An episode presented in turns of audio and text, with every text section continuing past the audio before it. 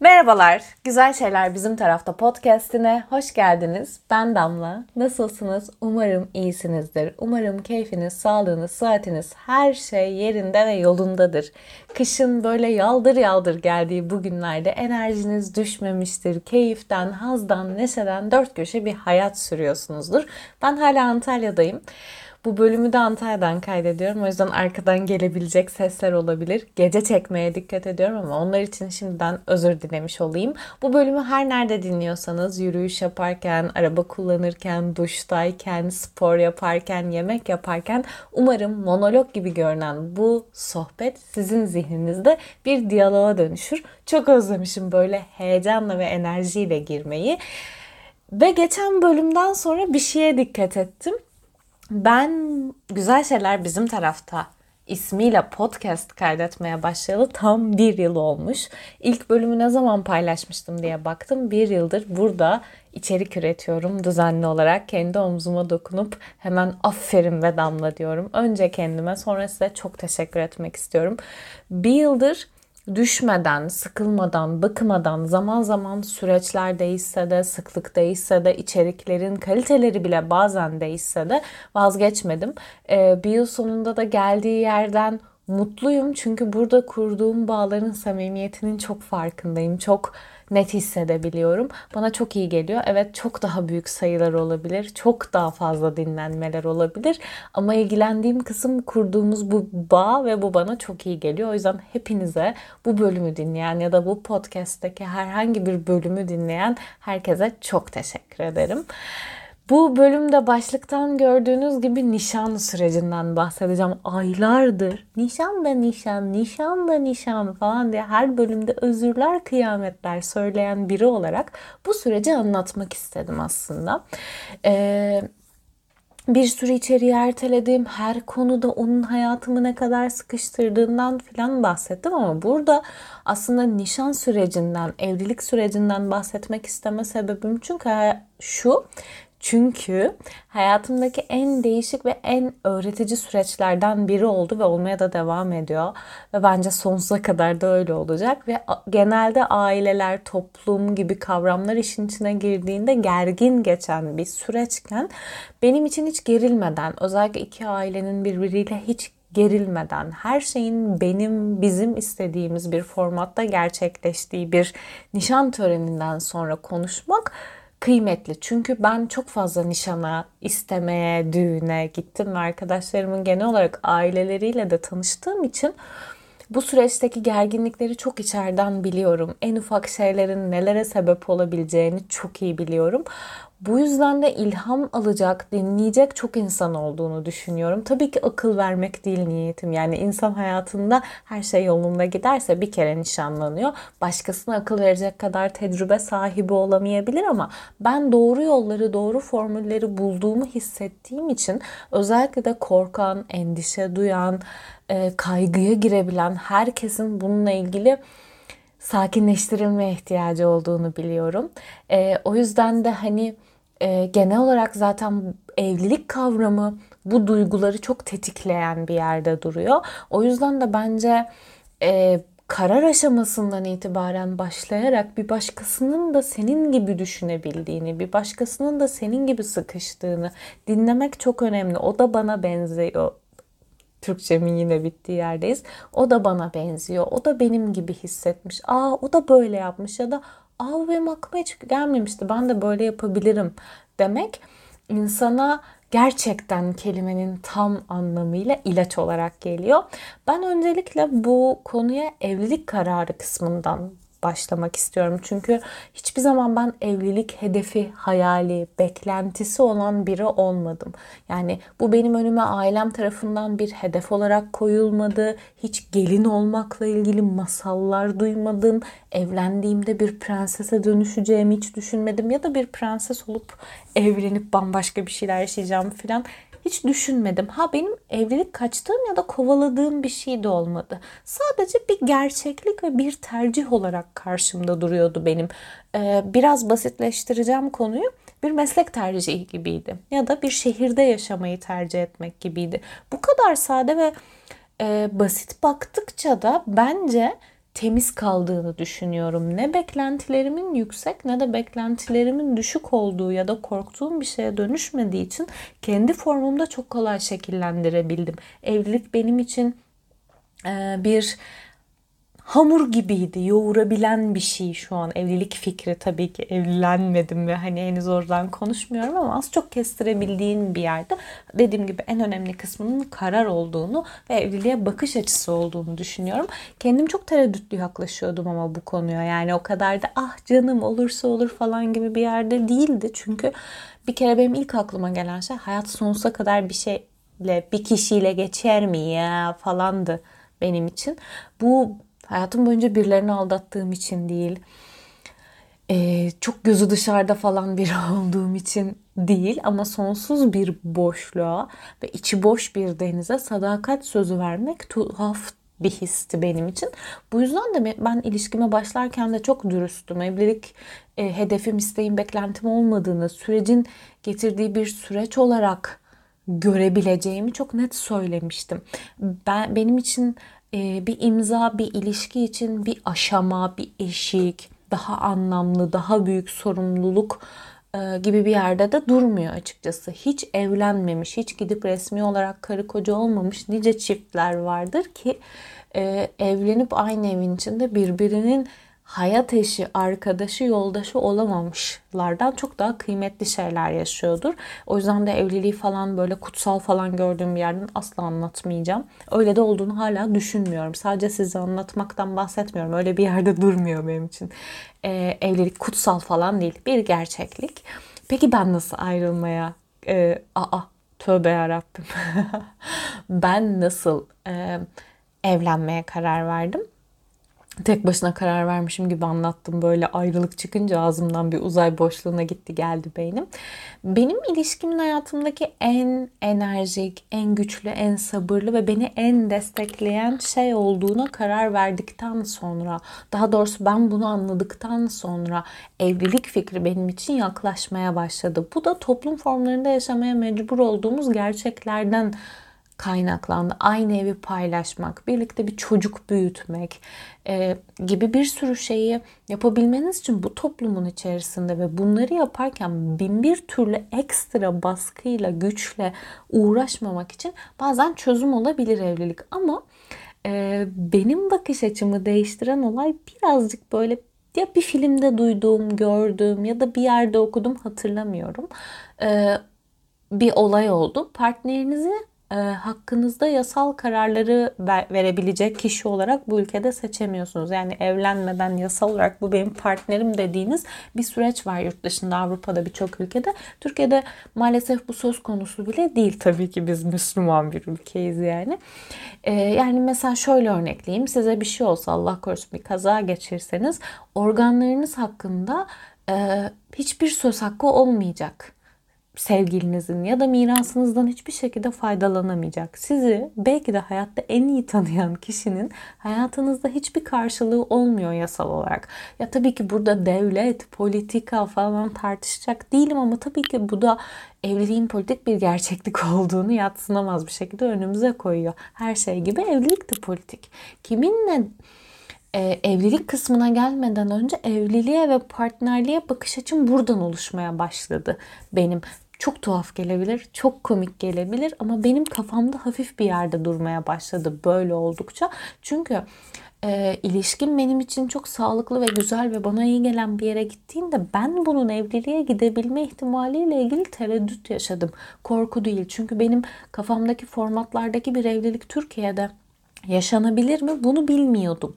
Bunu da test etmenin tabii ki en iyi yolu denemek olabilir ama yine de insan bu noktada kiminle bunu denemek ya da kiminle bu olur mu lan diye bakmaya başlıyor. Kiminle bu evlilik yürüyebilir kısmı ile ilgili karşınıza biri çıktığında ah bu benim evleneceğim adam falan demiyorsunuz bence ya da ah bu benim evleneceğim kadın demiyorsunuz bence. Süreç içerisinde beraber hayat geçirebildiğini görmek için güven mesela benim için vakit geçirebilmek, ona kıymet vermek, onu sevmek ve bana da aynı zamanda aynı değerde kıymet veren, güvenen, e, aramda bir duvar, bir mesafe olmayan, tamamen yanında kendim olabildiğim biri diye bir cevap geldi. Mesela bu cevap da bu kişiyle tanışmadan önce kafamda oturtabileceğim tikler miydi bilmiyorum. Süreç içerisinde tanıdıkça, ilişkinin içinde yoğruldukça ben ilişkimi böyle tanımlayabiliyorum. Sonra şunu algıladım. E zaten hayatta biriyle vakit geçirebilmek için ve onun yanında bir hayat yolculuğuna böyle şey gibi oldu. TRT spikeri gibi cümlelerim oldu ama hayatta başıma gelen her şeyde kime ilk koşacağımı seçiyorum aslında. Mesela şöyle bir örnek veriyorum ben 3 yıldır ilişkinin içine girdiğimden beri bunu e, sevgi dili bölümünde de anlattım. E, ilişki canlı bir organizmada da anlattım. Benim bugüne kadar Serkan'la ilgili nişanlımla ilgili ona söylemediğim, onun arkasından konuştuğum tek bir şey yok. Ve onunla ilgili de güven duymadığım hiçbir şey yok. Hele ki bir şüphem hiç yok. Buna sadece aldatma falan gibi konular gelmesin insanların aklına. Hmm, şunu biliyorum zor durumda ona gittiğimde bana yardım edebilmek için her şeyi yapar. Beni hayatta önceliği haline getirir. Bana zarar vermez. Bir şeyin beni üzeceğini biliyorsa onu yapmamak için direnebilir. Beni korur. Benim yanımda olur gibi. Böyle o kadar somut yerlerden algıladım ki böyle bir partner seçmek ama şey gibi sonsuz mutluluk var. Bunu onunla paylaşmak istiyorum. Sadece olumsuz şeyler değil. Benim başıma iyi bir şey geldiğinde benim kadar mutlu olur. Hatta bazen benden daha çok mutlu olur. E, benim başıma kötü bir şey geldiğinde de onu kendi problemi gibi alır, çözmek için uğraşır diyebilmek. O yüzden de peri masalı ideolojisinden, o hayalden vazgeçiyorsun. Zaten peri masalı gibi bir evlilik benim için gerçek değildi. Çünkü benim hayattaki en güçlü duygularımdan biri ya da en çok peşine düştüğüm şeylerden biri realizmdir. Ben dürüstlük ve realizmin köpeğiyim, aşığıyım yani. Ha, aşk çok güçlü bir duygu benim için ama benim için üzerine evlilik kurulamayacak kadar temelsiz bir duygu. Ha bunun içinde bir evlilik kararı alırken sevginin olmadığını söylemiyorum. Zaten sevmediğiniz bir insanla yanında mutlu olmadığınız böyle ona bir minnoş kedi gibi bir duygu duymadığınız biriyle, şefkat duymadığınız biriyle hayat geçirmeyi zaten düşünmüyorsunuzdur muhtemelen. Orada düşündüğünüz şey ticari ortaklıktır. Ona evlilik demeyelim ya da başka sebeplerledir. Bunu da eleştirerek söylemiyorum. Dolayısıyla e, benim için en yakın arkadaşımla e, hayattaki en iyi güven duyduğum partnerimle e, arkadaşlığımı, yaşam biçimimi insanlara ilan etme hali gibi bir yerde konumlandı evlilik. İlişkinin içerisinde konuşulan hayatın akışında sizin için halledilmesi gereken bir iş ya da böyle atılması gereken bir tike dönüştü benim için mesela. Ee, ya da işte mesela üniversiteye gitmek gibi bir şeye dönüştü. Default bir gerçeklik. O ilişki özelinde ama. Yani bir gün mutlaka evlenecektim ve bu tiki de atıyorum. Hayır başında uzun uzun anlattım zaten. Ha bundan sonra bir evlenme teklifi meselesi var. Zaten ilişkin içinde konuşuyorsun, konuşuyorsun, konuşuyorsun. Birçok kişi de benim evlenme teklifiyle ilgili fikrimi biliyordur podcast'te dinleyenler. Ben zaten hani bunun bir süreç olduğunu düşünen biri olarak bununla ilgili hiçbir hayalim, hiçbir beklentim yoktu. Yani bu gözler düğünden bir gün önce edilen evlenme teklifleri gördü. Çünkü e, kimseyi de kınamıyorum. 90'ların çocukları özellikle romantik komedilerde izleye izleye dizlerinin üstünde bir adam figürü imgeledi. Dolayısıyla da herkes bunun bir gerçeklik olduğuna inanıyor ve e, birbirine hava atmak için kullananlar var. Hele ki günümüzde her şey Instagram şovuna dönmüş durumda. Bunun bir aşk göstergesi olduğuna inananlar var. Bunu gerçekten çok safça bekleyenler var ama bu bir gerçeklik. Ha benim gerçeğimde ben evlenme teklifi almasaydım niye almadım demezdim. Ama benim sevgilim bir duygusal böcük olduğu için bana baş başa bir evlenme teklifi yaptı. Burgazada da. Çok keyifliydi. Ee, ama dediğim gibi yani bizim için hayat zaten o yola kendi içinde gidiyordu. Ee, Serkan gelip Antalya'ya benim ailemle tanışmıştı. Ben İstanbul'da onun ailesiyle tanışmıştım. Ee, ailem artık dışarıda olduğunda Serkan'la olduğumu, ne olduğumu, ne yaşadığımı, ne ettiğimi biliyordu. Ha benim için e, kriter şuydu, çok dürüst söyleyeyim. Ailem sevmezse olmaz. Çünkü ben çok ailesine bağlı bir tipim. Çok ailesiyle vakit geçiren bir tipim. E, o yüzden de önce o benim ailemle tanıştı. Sevmeseydi muhtemelen kıçına tekmeyi basardım. Bizim ailelerimiz yarı geleneksel, yarı değil falan aileler olduğu için bizim için aileyle tanışmak diye bir mevzu vardı. Ha bu çok olağanında da gelişebilir. İşte bir kahve de içilebilir. Ne bileyim biz evlere, yemeklere, tatillere falan gidelim. Yani Antalya'ya bir sokağa çıkma yasağı zamanında Aralık 2021'de e, geldi Serkan Antalya'ya. E, ne bileyim işte bir onun bir şeyine gidersiniz. Orada karşılaşırsınız. Olabilir her şeyin sıralaması, biçimi ve gerçekliği sizin dünyanıza ve sizin gerçeğinize göre değişecektir. Ee, yani zaten işte evlenme teklifi oldu. Sonra işte hayatta bunları insanlarla paylaşma, ailelere anlatma, bununla ilgili hazırlıkları yapma gibi bir sürece giriyorsun. Ben mesela evlenme teklifi aldığımı bir Instagram postuyla paylaşmadım ya da story'yle. Çok yakın arkadaşlarıma, aileme falan WhatsApp'tan attım.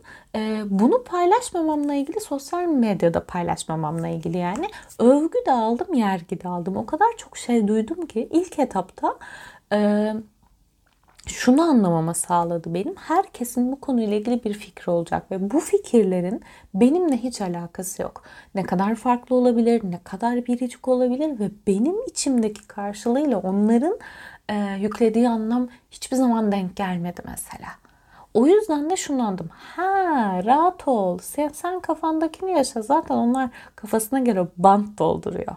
Sonrasındaki süreci tamamen elime almamı sağladı ve bana bu konuda bir rahatlama getirdi. Çünkü şunu anladım. Senin için özel olan, güzel olan başkasının dünyasında bambaşka bir şey ifade ediyor. Ee, benim başta anlattığım gibi evlilik hayaliniz olmadıysa da nasıl bir düğün, nişan olacak mı, nasıl nişan, ne istiyorsun gibi soruları e, cevaplayamıyorsunuz. Ve bu süreçte de ben ne kadar çok insana bu süreçte cevap vermeye çalışırsam yorulacağımı anladım. Mesela bu konuda bana olanak saldı. Kimse bilmiyordu neredeyse. Çok çok küçük bir çevre biliyordu nişanlanacağımızı, evlenme teklifi alacağım ve zaten o kadar zor sorulardı ki bunlar benim için. Gerçekten böyle e, Oscar konuşmam kadar zordu yani onu planlamak kadar zordu. E, ve en çok duyduğum şey sen ne istiyorsundu. Şimdi siz daha ne istediğinizi bilmiyorsanız ve bu sorulara cevap vermek sizin için zorsa insanlara çok net bir şekilde bilmiyorum deyin. Bilmiyorum. Şu an bana hiç kimse bir şey sormasın deyin. Konuyu birkaç ay kapatalım deyin. Her neyse bunu söyleyin. Ee, ve ben bunu yaptım. İşte Mayıs'ta evlenme teklifi geldi. Haziran'ın sonuna kadar erkek arkadaşım dahil herkesin bana bu konuyla ilgili soru sormasını yasakladım. Kimse bana bir şey sormadı. E, ve süreçte de araştırdım. İşte ne oluyor, ne bitiyor, bu ne? Anne bizde nişan nasıl oluyor? Serkan sizde nişan nasıl oluyor? He bu muymuş? Ben bunu istemem. Ha böyle bir şey isteyebilirim. Nişan olacak mı? Mesela niye nişan yapıyoruz filan gibi bir sürü şey tarttım. Sonra şunu anladım. Ben ne istiyorum, neyi arzulayıyorum, neyi beğeniyorum, neye tahammülüm yok, ee, nelerde esneyebilirim, nelerde esneyemem. Mesela çok net ben bohça istemiyorum. Kırmızı kuşak takmam. Ha bunun dışında da ailelerle konuştukça duyduğunuz şeylere ha bu olmasa da olur. Bu sizin için çok mu önemli? Hmm. Ben bunlardan hangilerini sevebilirim? Hangilerini sevemem? Hangilerini e, nasıl diyeyim iki taraftan birinin ya da iki tarafında gönlü olsun diye idare edebilirim ve idare edemem. Böyle listeler vardı kafamızda zamanla oluştu. Yazarak oluşan şeyler değil aman asla dediklerimiz bir de ha olur falan gibi şeyler. Bizim iki tarafın ailesi de işte uzakta yaşıyor. Daha doğrusu benim ailem Antalya'da, Serkan'ın ailesi İstanbul'da olduğu için önce tanışmaları gerekiyordu. Ee, bunun için de işte annemlerin ta pandeminin ilan edildiği güne planladıkları ama ertelenen İstanbul seyahatleri vardı bu yaz.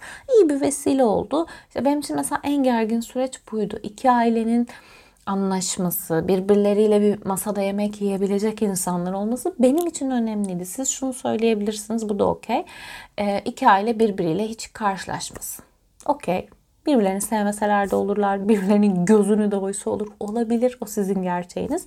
Ben e, anneannesiyle babaannesiyle falan büyüyen bir çocuktum. Benim kuzenlerim birbirlerini tanırlar. Dolayısıyla da kendi çocuğum için de böyle bir hayat hayal ettiğim için e, böyle bir şey diliyor, niyet ediyordum. Benim için olmasaydı hayat zorlaşırdı.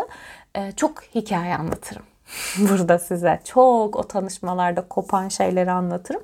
O yüzden de biraz gergindim. Çünkü işte yaşam şekli, maddi imkanlar, dini inanışlar, siyasi görüş gibi o kadar çok konuda ayrılan iki aileyi bir araya getiriyorsunuz ki aslında. Yani inanın ayrıldıkları şeyler çok daha fazladır e, birleştikleri çok daha azdır. Eğer kendi Allah korusun şaka diye söylüyorum kardeşinizle evlenmiyorsanız ki onun bile annesi babasıyla sizin anne babanız aynı kişiler değil kağıt üstünde öyle görünse de. E, ben mesela şuna dikkat ettim ve çok doğru bir yerden baktığımı düşünüyorum. E, kriter miydi? Kriter olarak sayabilir miyim bilmiyorum ama bir aile kavramının altını kendim dolduracaksam da benimle benzer bir aile kavramı olan biri olsun istedim. E, çünkü ya da büyüdüğü aileye benzer bir aile kurmayı hayal ediyor bilinçaltı bilinç dışı. Dolayısıyla oraları birebir aynı olmasa da benzer yerlerden e, bir şeyler görmek bana çok iyi geldi. Ha bizim mesela işte aile kahvaltılarımız vardır. Biz akşam yemeğini birlikte yeriz. Bunların olduğu bir evde büyüyen biriyle e, çok daha kolay e, hayat geçirebileceğimi düşündüm. Ha olması olur muydu? Tabii ki olur arkadaşlar. Sadece bunlar gördüğümüzde ha iyiymiş lan falan dediğimiz şeylerden bahsediyorum. Ama o kadar çok ayrılık var ki iki aile konusunda. Mesela ama en birleştikleri en iyi şeylerden biri. İkisi de e, bizim fikir ve isteklerimize göre hareket etmeyi kabul ettiler. Yani bizim geleneğimiz bu, bizim geleneğimiz bu falan filan. E, demediler. Ha bu bize süreçte yol su elektrik olarak döndü. Yani yorgunluk olarak döndü. Ama çok az hasarlı ailelerin sıfır gerginlikle bitirmesi açısından e, çok mantıklı ve iyi oldu. Ee, az önce söylediğim gibi mesela işte bir isteme töreni benim annemin ve babamın istediği bir şeydi. Ve bunun Antalya'da olmasını istiyorlardı. Benim için çok okeydi. Ee, ve bu benim esneyebileceğim bir şey değildi mesela. Bunu İstanbul'da benim evimde yapılmasına ben esnemezdim. Tam 18 kişi nişan ve isteme için İstanbul'dan Bursa'dan kalktı beni istemeye geldi. Heh, aşiret gelini gibi olsam da bu inadımdan değil arzumdan ve önceliğimden oldu. Benim annemin ve babamın gönlü bunu istiyorken karşı taraf hayır deseydi bakın orada gerilirdik. Çünkü orada hepimizin birbirinin bu özel gününü nasıl yaşamak istediğine saygı duymamız gerekiyor. Birbirimizin istek ve arzularını engellemedikçe. Ee, böyle işte esneyebileceğimiz ve esneyemeyeceğimiz şeyleri belirledikçe ve biz de birbirimizi bu konuda tanıdıkça e, herkesinki gibi bizim bu hazırlık sürecimiz de biricik oldu. Mesela biz dedik ki kesin alkollü bir eğlence istiyoruz. Herkes içmeyecek biliyoruz ama herkesin içki bulabileceği bir ortam olsun. Bu mesela bu bizim için esnenemeyecek bir şeydi. O geceyi planlarken nişan gecemizi bizim şöyleydi. Ee, evde bir isteme töreni oldu. Biz çok yakın bir yerde bir otelin pastanesinde böyle 50 kişilik falan bir e, alkol, kokteyl, mezeler, pasta, eğlenceli bir şey oldu. E, ama tabii ki yani sonra işte bu hazırlıkları yapmaya başlayınca iş ihtiyaçlar ve gereklilikler listesine dönüyor. Komik komik bir şekilde de insan zihni bundan kaçıyor. Ee, hazırlıklara başladığımızda mesela işte bizim e, ilk başta algıladığımız durum şuydu. Misafirlerimiz şehir dışından geleceği için ve sadece nişan günü gelebileceği için onları bir yemekle ağırlamak gerekiyordu. Ben mesela böyle bir otelin pastanesi gibi bir şey hayal etmiyordum. Evde olur biter diye hayal ediyordum ama şehir dışından gelen insanları da bir ağırlamak istediğimiz için he mekan bakacağız oldu. Mekan bakmamız gereken zamanda ben bir anda hayır ben elbise bakacağım dedim ve 15 gün çok hasta olduğum o süreç başladı. Sonra elbise bakmam gerekirken oturup ilk dans şarkısı aradım. Sonra şarkı listesi yapmam gerektiğinde hediyelik bakıyordum o kadar o kadar erteliyor ki zihin. Yani mesela alyans almamız gerektiğini elbise, takı bunları konuştuktan sonra bir anda böldük. Annem bizim gidip alyans denememiz gerekiyor. Sonra ne alacağımızı, ne göreceğimizi, ne beğendiğimizi gördük. Sonra çok şanslı bir şekilde mesela alyanslarımız özel yapıldı. Ee, çok uygun fiyata mal edildi. Ha fiyat ve maliyet derken şunu söyleyeyim. Ee, biz bütün alışverişi, bütün o işte geline bu takıldı, oğlana bu takıldılar ikimiz baş başa yaptık. Ve bu verdiğimiz en doğru karardı. Çünkü yani mesela buna isteme çikolatasının kabının renginden masrafına kadar bana hediye edilen takıya işte Serkan'a takılan saate kadar her şey dahil. İstediğiniz kadar kayınvalidenize ayılın, bayılın, kayınpederiniz için ölün falan ama kimsenin yanında aha da bunu istiyorum diyemezsiniz. Diyebiliyorsanız şahane ama ben diyemezdim. O yüzden de baş başa yapmak çok iyi geldi. Biz birbirimize çok dürüst olduk. Benim ailemin bütçesi bu. Bunu yapabilirler, bunu yapamazlar. Bu olabilir, bu olamaz. Ama senin istediğinle de onları getirelim gibi. Biz birbirimizi böyle okey biz bir takımız herkesi kendi istek ve arzularımız için konumlayacağız. Parayı da kendi e, istek ve arzularımız için, ihtiyaçlarımız için harcayacağız. Bu noktada birbirimizle sadece para pul biz konuşunca çok hafif geçti. E, ve tabii ki çok şanslıydık. Ben hep söylüyorum hayatta en büyük yatırımı arkadaşlarıma yaptım. E, ekmeğini de yiyorum.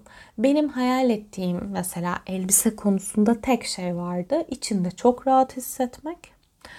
Çok bana yakışması, işte rengi bilmem nesi, şusu busu ama rahat hissetmek istiyorum ama şık olmak istiyorum. Ben bir his arıyordum. Ama o hissin elbisesini bulamadım. Ve benim şahane bir tasarımcı olan arkadaşım Serhat. E, Serenco diye markası var. Aşağıya linkini bırakacağım. İmdadıma yetişti. Ben sadece denediğim elbiseleri bunu bu yüzden beğendim, bunu bu yüzden beğenmedim dedim ve aradığım hissi anlattım. E, tasarımcı da zaten bunu yapıyormuş. Histen elbise çıkarmak inanılmaz bir şeymiş. Ee, ve bana böyle hayal ettiğimden çok daha güzel bir elbise tasarladı. Çok daha güzel bir elbise yaptı. Ve o kadar bana iyi geldi ki o elbisenin içinde hissim bütün akşam kendimi şahane hissettim. Ee, mesela elbise benim için öncelikti ama bunu harcayacağım parayı da belirlemiştim. Ee, bu yüzden de para sonsuz bir limitte değilse parayı nasıl harcayacağınızı belirlemek hayatı kolaylaştırıyor. Mesela benim için atıyorum ben bu kıyafete tabii ki bunun hediye kısmı var, bilmem nesi var, osu var, busu var. Bu arada kıyafetim de kuzenimin hediyesiydi bana. Ee, ben kendim de alsaydım belli bir aralıkta tutacaktım. Çünkü o gece giyeceğim bir kıyafet atıyorum X markasından Alexander Wang'den alayım, Sagaza'dan alayım, 5000 lira vereyim gibi bir böyle hani çok beğenseydim verirdim muhtemelen ama abi en çok parayı ona verdim buna verdim gibi bir şey yerine ben eğlenceye para harcamayı mantıklı buldum. Ama bu benim tercihim. Ee, o yüzden hani bizim için para sonsuz bir limitte değildi ama e, neye harcadığımızı ve neyden kısıp kısamayacağımızı iyi bildiğimiz için de çok iyi yönettiğimiz bir süreçti. Mesela benim için en önemli şeylerden biri fotoğraftı.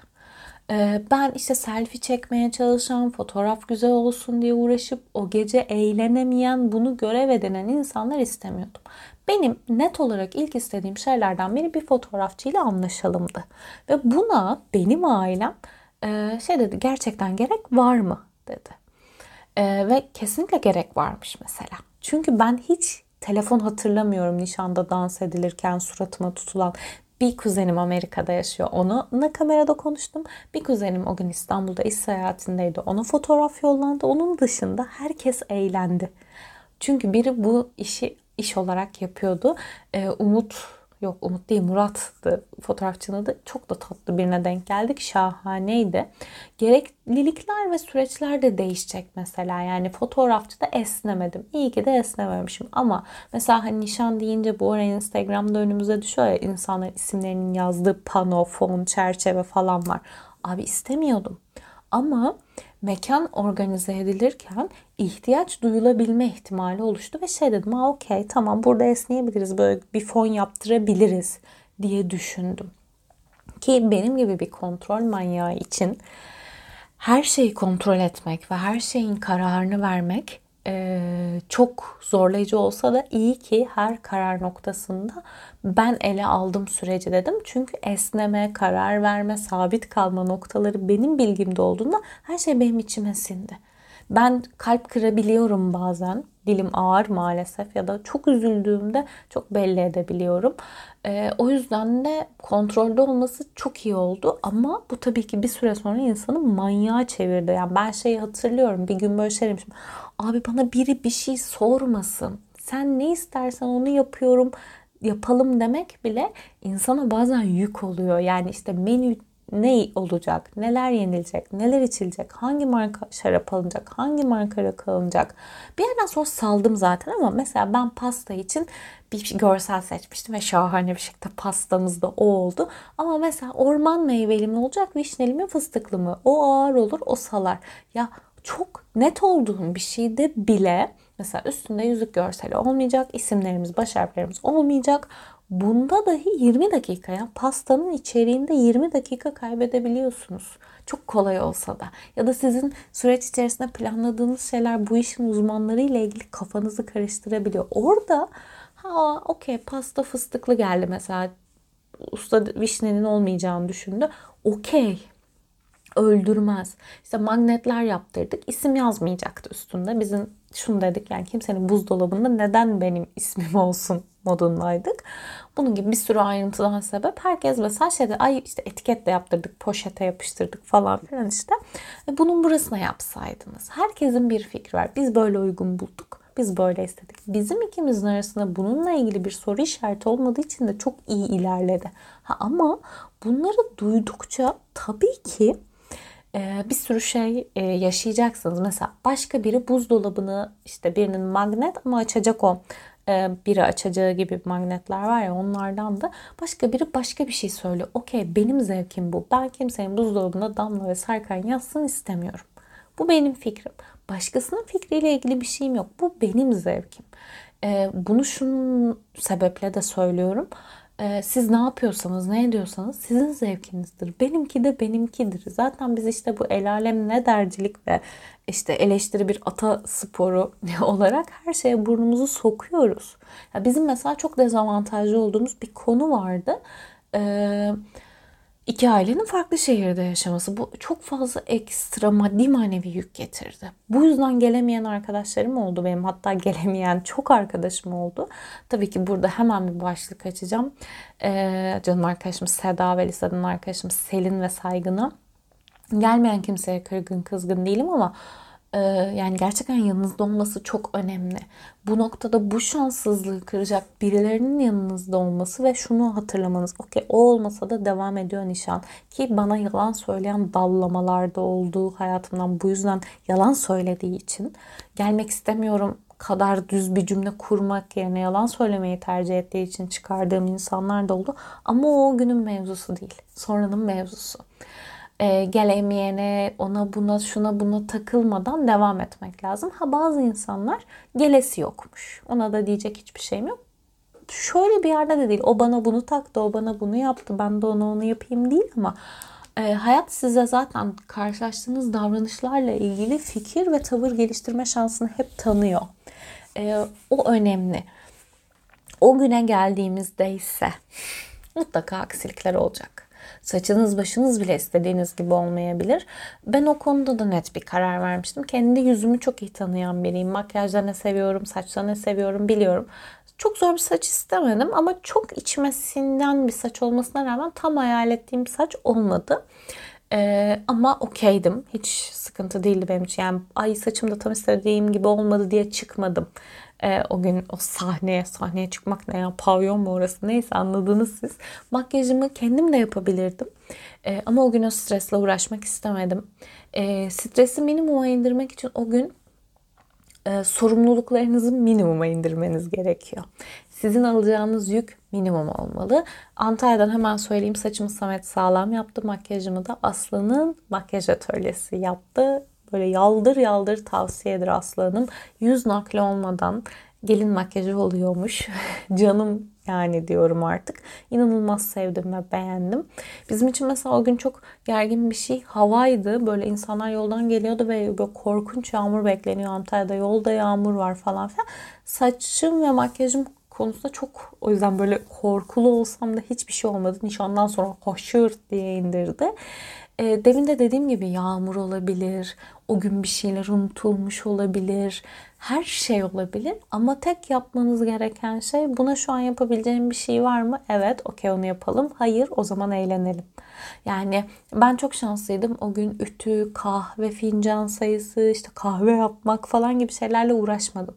Etrafınızdaki insanlara da bunu söyleyebilirsiniz. Yani e, ben bunu düşünmek istemiyorum. Bunu sen seçebilirsin, bunu yapabilirsiniz diye. Ama buna rağmen ben bu kadar üzerimden sorumluluk attığım halde hafif de alkolün etkisiyle nişanda böyle gidip annemi falan delirttim. Her şey çok güzeldi mi anne falan diye. Annem yeter be falan dedi. Tepine tepine dans ettim. Çok içtim, sarhoş oldum, gelin manyak çıktı diyenler oldu mu diye herkese sordum. Ama benim nişanımdı ve benim hayal ettiğimdi. Bu böyle tam olarak neleri düşünerek, neleri e, temeli alarak yaptığım bir organizasyon olduğunu anlatayım istedim bu bölümde. Ben başkasının hayali olmayan, başkası için abartılı, başkası için çok sade, çok büyük, çok basit, çok küçük, başkası için X, Y, Z bir sürü e, seçenek ve bir sürü tanımla bir nişan organize ettim. Ama benim için çok güzel bir nişandı. E, ailem sağ olsun daha doğrusu onları organize etti. Ben sadece bir hafta Antalya'daydım. Dönüp baktığımda her şey için oh be diyorum. Çok güzeldi diyorum. Beni yormadı. Yani şöyle yordu. Fiziksel olarak çok yordu. Mental olarak yordu ama beni hırpalamadı diyeyim. E, sonrasında neler olacak, düğün nasıl olacak gerçekten bilmiyorum. Çünkü düğün olan tarafı durumu bizim için yaşanıyor. Mesela düğün İstanbul'da olacak. Ha şöyle bir şey olabilirdi belki şartları ve durumları e, Serkan ve ben birikim yapabilmiş olsaydık ki bu ülke içinde ne kadar bu mümkün bilmiyorum ama her şeyi biz belirlerdik ama şu an böyle değil. Biz ailelerimizin desteğiyle bir düğün organize ediyoruz. Ee, ve ikimizin ailesinde tek isteği bizim içimize sinen bir düğün olması. Bu noktada mesela şu da tuhaf gelecek size. Ailenizi bilirsiniz, ailenizin bakış açısını bilirsiniz, nazınız geçer. Karşı tarafa dair ne kadar çok şey bilseniz de e, tuhaf bir denge oluyor. Harika ilerleyeceğini, sorunsuz ilerleyeceğini bilsem de benim için çok daha bilinmezli ve çok daha kaygılı bir süreç. E, o yüzden de ben mesela sakinlemeye çalışıyorum. E, bu noktada güvendiğim şey şu. O aileyi, o ailenin kurallarını, beklentilerini bilmesem de beni çok iyi bilen, benim neyden ne kadar haz ve keyif alabileceğimi tahmin eden ya da sevip sevmeyeceğimi bilen zevklerime çok hakim biriyle bu süreci yürüttüğüm için şanslıyım. Ee, tabii ki bu noktada geldiğimiz konu şu başkasının ailesi. X ailesi o. Yani şu an için başkası yani partnerinin ailesi. Yani ne zaman o senin ailen oluyor, orada ne zaman bambaşka şeyler hissediyorsun bilmiyorum. Ee, her zaman değişik. Yani şu an çok seviyorum yani annesini, babasını da, kardeşlerini de çok seviyorum ama e, gerçekten nasıl diyeyim kolay bir süreç olduğunu söyleyemeyeceğim. Çok sevmek bu süreci kolaylaştırsa da ne kadar mümkün orası da her zaman her ilişkiye, her dinamiğe ve insanlara göre değişir. Benim için keyifli gidiyor ama orası da henüz daha oturtabildiğim bir denge değil. Bir gün oturttuğumda kayınvalideler, kayınpederler diye de bir bölüm kaydederim. Bu süreçte öğrendiğim en kıymetli şey kendime ne istiyorum diye sormak oldu. Ee, bu da benim hayatım aslında sadece nişanlanmak için e, çıkmadı. Bunun cevabını almayı öğrenmem gerekiyor. Bu temelden vazgeçmemek her konuya, her olaya, her duruma, her güzelliğe ve her probleme ben ne istiyorumdan yaklaşmak iyi geldi. Bunun cevabı size kalmış. Mesela sizin için ailenizin mutlu olması, onların gönüllerinin olması da öncelik olabilir. O da okey. E, hayat önceliklerin çünkü. Önceliklerini belirleyebilme başarısı ve onlar uğruna yapabildiklerin bu başarının etrafında dönen her şeyin şahaneliği. Yani sizin önceliğiniz en ucuz da olabilir, en şık olması da olabilir, en pahalı da olabilir. Neyse onu bulup orada neslememek. Sizin önceliğinizin ne olacağınızı siz bilebilirsiniz. Ee, bunda içinize dönmek gerekiyor gerçekten ve bunun için de dış seslere kulakları kapatmak gerekiyor. İnanın her şey bittiğinde keşke şunu yapsaydım, bunu yapsaydım diyecek bir şey kalmıyor. O kadar kendinizi bu konuda tarttıkça, deştikçe, böyle tırtık tırtık tırtık tırtık baktıkça iyi geliyor. Yani size en azından nişanlanmış biri olarak evliliği bir masal olarak anlatamam. Ee, ya da şu süreci e, nişan sürecini de bir masal olarak anlatamam ama e, bayağı dümdüz hayatınızın en ilginç organizasyonlarından birini organize ediyorsunuz. Ben henüz böyle ne oldu ne bitti hayatımızda şu an neler değişiyor biraz algılayamadığım bir süreçteyim. O yüzden algılayabildiğim e, geçmiş diyebileceğim bu 3-3,5 aylık hazırlık sürecinden, kararlardan, fikirlerden, bir ilişkinin evliliğe yürümesinin insanın neler düşündürtebileceğinden bahsedebilirim. E, şunu arıyorsanız onu durdurun. Sürekli işte ilk ergenlik aşkı gibi bir aşık olmak ve bunun pompalanmasını bekliyorsanız ki evlilik kararından sonra buluştuğum bütün arkadaşlarım ya Damla çok mu aşıksın ölüyor musun görünce elin ayağın mı titriyor falan dediler uzun ilişkisi olanlar. Ben de çok kısa ve net yeah dedim. Böyle olması gerektiğini de düşünmüyorum ama onunla bir hayat geçirebileceğimi düşünüyorum. Ee, kuzenimle konuştuğumuzda da en önemli bulduğumuz şey güven duygusu. Çok güveniyorum. Allah şaşırtmasın, evren şaşırtmasın, hayat şaşırtmasın ikimizi de bu noktada. Ben buradan yaklaşıyorum. Siz nereden yaklaşıyorsunuz bilmiyorum. Daha önceki bölümlerde bazen çok duygusuz olmakla, anlayışsız olmakla, sıfır empat olmakla yargılandığım, eleştirildiğim olmuştu. Burada da umarım öyle şeyler hissettirmişimdir birilerine. Bunu hissettirmemiş olmayı istemiyorum açıkçası. Çünkü sürekli benimle aa kız çok haklı diye bir ilişki kurarsanız bu ilişkiniz beslenmek değil benim dikta rejimime dönüşür. Mesaj, yorum ve maillerinizi heyecanla bekliyorum. Çok teşekkür ederim bu kadar heyecanlı bir şeyi buraya kadar sonuna kadar dinlediyseniz. Güzel şeyler bizim tarafta. Mutluluğumu da paylaştığınız için çok teşekkür ederim. İnanın çok az olan bir şey mutluluk paylaşmak. Sonraki bölümde görüşünceye kadar hoşçakalın.